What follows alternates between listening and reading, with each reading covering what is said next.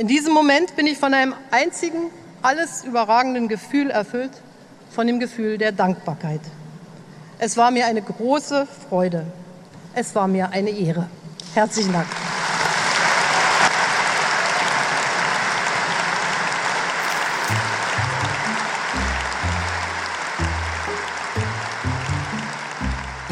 Det har gått 16 år sedan Angela Merkel tog över som tysk förbundskansler. Sedan dess har hon valts om på posten hela fyra gånger. Men 2018 meddelade hon att det här var den sista mandatperioden och att hon inte ställde upp för omval 2021. Så när det tyska folket på söndag tar sig till valurnorna så är det inte bara för att utse ett nytt parlament.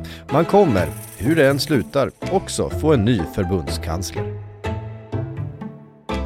Men det är inte bara det vakuum som den populära Merkel lämnar efter sig som gör helgens val så prekärt. Coronapandemin och sommarens översvämningskatastrof har på många sätt ritat om den politiska kartan i Tyskland. Och i förhandstipsen har Merkels kristdemokratiska CDU, som dominerat tysk politik, backat till rekordlåga nivåer. För att prata om förbundskanslerkandidater och hur det nya politiska Tyskland kan komma att se ut efter helgen har vi Benjamin Ekroth, reporter på Aftonbladet och till vardags hemmahörande i Berlin. Benjamin, välkommen till Aftonbladet Daily. Först och främst, eh, vilket arv är det Angela Merkel lämnar efter sig efter 16 år vid makten? Ja, alltså det är ju ett ganska omfattande arv. Ehm, det har ju varit en eh, tid av eh, ganska goda år och eh, stabilitet. Man har ju liksom pratat om den, många av, inte hela hennes period, eh, men många av åren som någon slags andra, andra rekordår. De första rekordåren var ju liksom efter andra världskriget där. Men även nu runt 2010 och eh, något, något år efter så var det ju liksom riktigt bra bra år. Så dels är det det och, och sen har hon ju liksom utstrålat ett sånt kolossalt lugn. Eh, hon har ju den utstrålningen. Plus att hon eh, för många tyskar har satt eh, landet på kartan. Hon har ju liksom, när EU har vacklat så har hon ju liksom klivit fram och sett till så att alla kan hålla sams och fortsätta framåt. Hon har ju liksom skött relationerna från Europas sida med, med USA. Det gick inte så bra med Trump. De kom inte så bra överens. Men Obama, hon hade ju en jättefin relation så att, äh, men hon har ju liksom äh, ägt äh, stora delar av EU e och ja. Mm.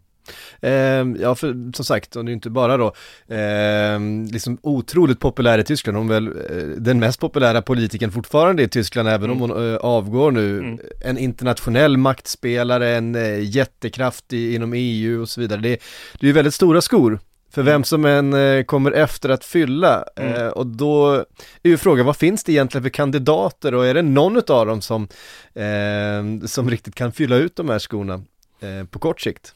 På kort sikt finns det nog det. Um, det ju, har ju varit, uh, det här året har, är det tre partier som i olika opinionsmätningar har varit störst. Det är de, eh, Miljöpartiet, eh, som vi säger då, De Grüne, som var eh, under våren här i maj, april, så var jättestarka och eh, då deras eh, kanslerkandidat Anna-Lena Baerbock, eh, man pratade verkligen om henne som en riktig eh, kanslerkandidat. Och sen har vi då eh, Angela Merkels efterträdare inom sitt parti, Armin Laschet. Eh, och han, CDU har också legat väldigt bra till här olika perioder, framförallt efter årsskiftet men också tidigt under sommaren. Att de hade ju liksom lite coronaknuff i ryggen medan eh, liksom CDU ägde den här hanteringen av pandemin. Och sen sist nu då så har vi ju Socialdemokraternas, eh, eller SPD som de heter i Tyskland, Olaf Scholz. Och alltså SPD, Socialdemokraterna har ju varit, eh, de sitter just nu i koalition med CDU. Ehm, men de har varit fruktansvärt ut räknade eh, nästan ja, hela tiden. I, I våras var det ingen som pratade om dem som något eh, reellt, eh, eh, någon rejäl utmanare. Ehm, men eh, sakta men säkert här, de andra två ehm, Anna-Lena Bernbock och eh, Armin Laschet har liksom inte gjort något särskilt avtryck här, utan de har till och med gjort bort sig lite grann i, på olika sätt. Och då har eh, Olaf Scholz och SPD liksom i, i skymundan seglat förbi i ytter, ytterfilen så att säga. Och nu är eh, Olaf Scholz eh, den som är eh, eh huvudkandidaten som många tror kommer att ta över. Mm. Ja, Olaf Scholz och Socialdemokraterna har ju då gått framåt den senaste tiden. Vad, vad anses vara huvudorsaken? Eh, du var inne på att eh, kandidat, alltså de övriga konkurrenterna eh, har gjort några svaga månader med, mm. ja det har varit lite, lite skandaler om eh, plagierade citat och, och sådana där saker. Inga stora grejer egentligen, men, men tillräckligt mycket ändå för att eh, Socialdemokraterna ska kunna kapitalisera på, på de eh, småsakerna får man väl ändå säga. Finns det, finns det andra saker? Vi vet ju att till exempel översvämningarna som var i somras har påverkat väldigt mycket och, och att det eh, ehm, det kommer vara en sån fråga som får stor inverkan på det här valet. Eh, hur har det påverkat Socialdemokraterna? Ja, men alltså, i, i Tyskland, det är att, att vara kansler, det är liksom väldigt stort. Det är, liksom, de har ju en president och de har en förbundskansler, men på något sätt är liksom förbundskanslern både eh, liksom, eh, ja, statsminister och president i, i någon slags... Så att eh, tyskarna kräver verkligen att deras eh, förbundskansler ska eh, äga sitt ämbete och utstråla pondus. Alltså det, det, är verkligen en ledarfigur som, som eh, ska ena och styra landet framåt. Och det har ju liksom betytt att eh, de här grejerna som du pratar om, som e, egentligen kan vara små grejer, ändå har liksom fått eh, spela en ganska stor roll. Att Anna-Lena Baerbock Eh, hade lite oegentligheter där med plagieringar, eh, plagiat. Så det har liksom räckt och Armin Laschet då, han är, han är han är liksom lite oförutsägbar. Han är en känslomänniska på gott och ont. Eh, och det gör att han gör lite oförutsägbara saker ibland. Och det gör att det, ja, det är inte, förväntar man sig inte av en kansler. Medan alltså Olaf Scholz hela tiden har, har ut, han har ju liksom, vad ska man säga, han har eh, kopierat Merkels stil och eh, ja, går liksom sällan i svaromål på kritik utan agerar väldigt statsmannamässigt. Ehm. Um, CDU har ju liksom dominerat tysk politik i, i i, över 30 år. Helmut Kohl som satt 16 år före, före Merkel eh, företrädde ju också CDU Eh, om CDU skulle förlora det här valet nu då och inte få utse förbundskansler, vilken, eh, vilken nivå på, på chock skulle det vara eh, sett ur ett tyskt historiskt perspektiv? Ja, det är en bra fråga. Alltså det är väl så att eh, det, SPD har ju under stundom haft några eh, kansler. De hade ju Gerhard Schröder där runt millennieskiftet. Så båda de har ju eh, visat att de är liksom regeringsfähiga partier. Men ehm, ja, nej, de får verkligen ta och eh, samla sig och eh, slicka såren. Samtidigt är det ju så att eh, vad ska man säga, alltså CDU har nog ett större, som parti har ett större stöd eh, än SPD. Men Olaf Scholz som kanslerkandidat har ett större stöd än, eh, än eh, än Armin Laschet. Mm. Så det, och, och det eh, påverkar mer än, än, än partiets stöd så att säga. Det är väldigt mycket ett personval eh, som vi ser just nu helt enkelt. Ja, precis. Mm. Eh, men för att få bilda regering då, få utse en förbundskansler och så vidare så krävs ju majoritet. Eh, och vi har ju sett många koalitioner, vi har sett SPD och CDU eh, eh, regera tillsammans och så vidare under, under åren. Vad, eh, Socialdemokraterna som just nu leder i, i opinions, opinionsundersökningar förväntas få runt 25 procent så att de kommer behöva stöd från flera partier för att bilda den här regeringen. Hur ser eh, eh den situationen ut? Det liknar lite, kanske lite grann det som vi hade i Sverige för, för tre år sedan här. Eh, kan det bli svårt till och med för dem att få bilda den här regeringen? Eh, det kommer bli, de går ju ut i okänd mark. De har nog aldrig tidigare eh, haft en regering bestående av mer än två partier. De har haft stora koalitioner, absolut. Men att behöva blanda in en tredje... Eh, för det, det kommer ju krävas en tredje, en tredje part här för att få ihop en majoritet. Precis. Och nu är det ju liksom, därför måste man också hålla koll på de här mindre partierna, vad de har för sig. Och då har vi ju eh, ja, AFD, de, eh, de räknas väl inte in i, i, i de, det är ju ingenting som hör till spekulationerna, men vi har ju Vänsterpartiet i Linke och eh, Liberalerna FDP. Det är väl de två partierna då som, som eh, får stor uppmärksamhet just nu. Och Olaf Scholz har ju inte gett några signaler om eh, åt vilket håll han vill gå. Angela Merkel har ju varnat eh, för att, han skulle, att det skulle då bli en röd, röd, grön regering. Alltså SPD, Miljöpartiet och eh, Vänsterpartiet. Men eh, ja, det, det, det, det, är inte helt okontroversiellt för Vänsterpartiet är, har rötter i DDR. Det består av mycket, har, har sina rötter därifrån. Så ja, men Olaf Scholz har som sagt inte riktigt eh, hintat åt vilket håll han kan gå. Han personligen eh, ref, eh, ligger mer åt mitten. Så han personligen skulle nog eh, hellre ta med sig FDP, Liberalerna, och försöka få med dem. Men inom partiet så kan det vara så att det, det finns ett tryck att de ska gå åt andra hållet och försöka få med sig Vänsterpartiet. Mm.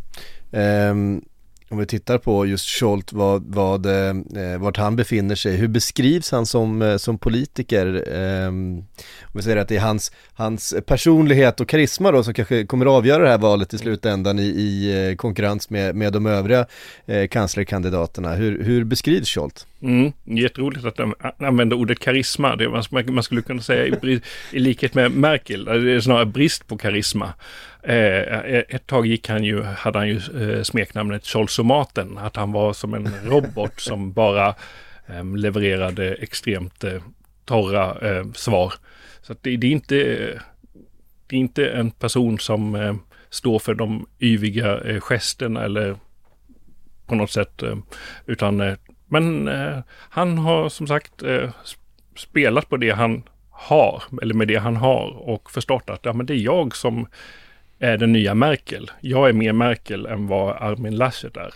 Så han har eh, lagt sig eh, eh, i, i den fåran så att säga. Han är ju då en, också en gammal politiker, alltså han har varit med länge.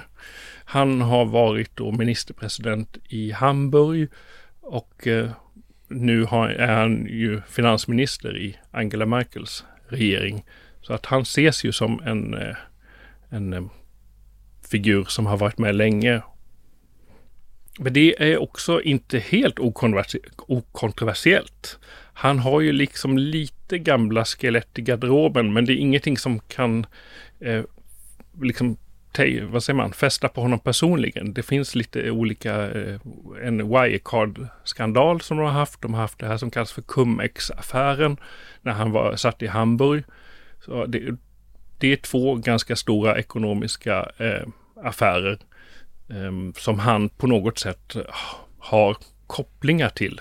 Mm. Men han själv eh, eh tar ju avstånd från dem och det är svårt att ja, sådana här ekonomiska affärer är alltid mm. svåra att förstå. Wirecard var ju en, en jätteskandal verkligen i, mm. i Tyskland som vi kanske inte eh, hörde så mycket om här i Sverige. Hur, hur, har, hur har den och sen också eh, Volkswagen-affären eh, som just nu är uppe i rättegången, hur har de här stora skandalerna som ändå har varit de senaste åren i Tyskland påverkat eh, opinionen, skulle du eh, spekulera?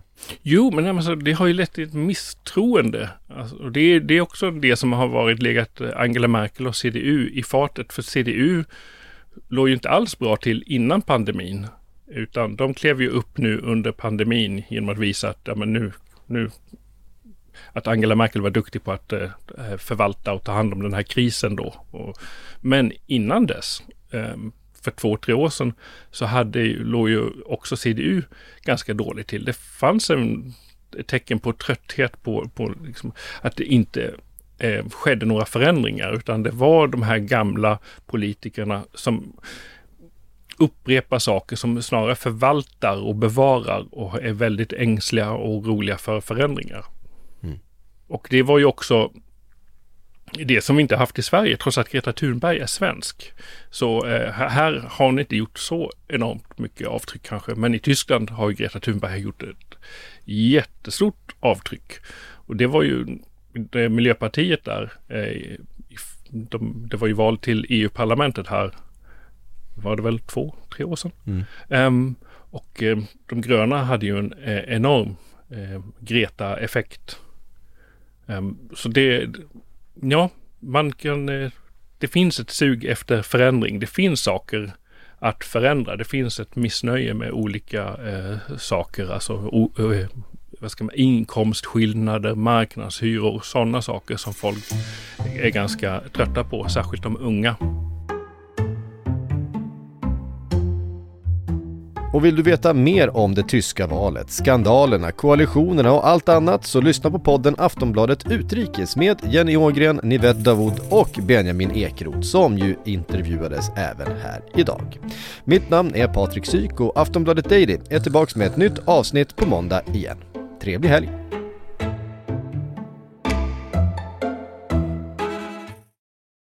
Du har lyssnat på en podcast från Aftonbladet. Ansvarig utgivare är Lena K Samuelsson.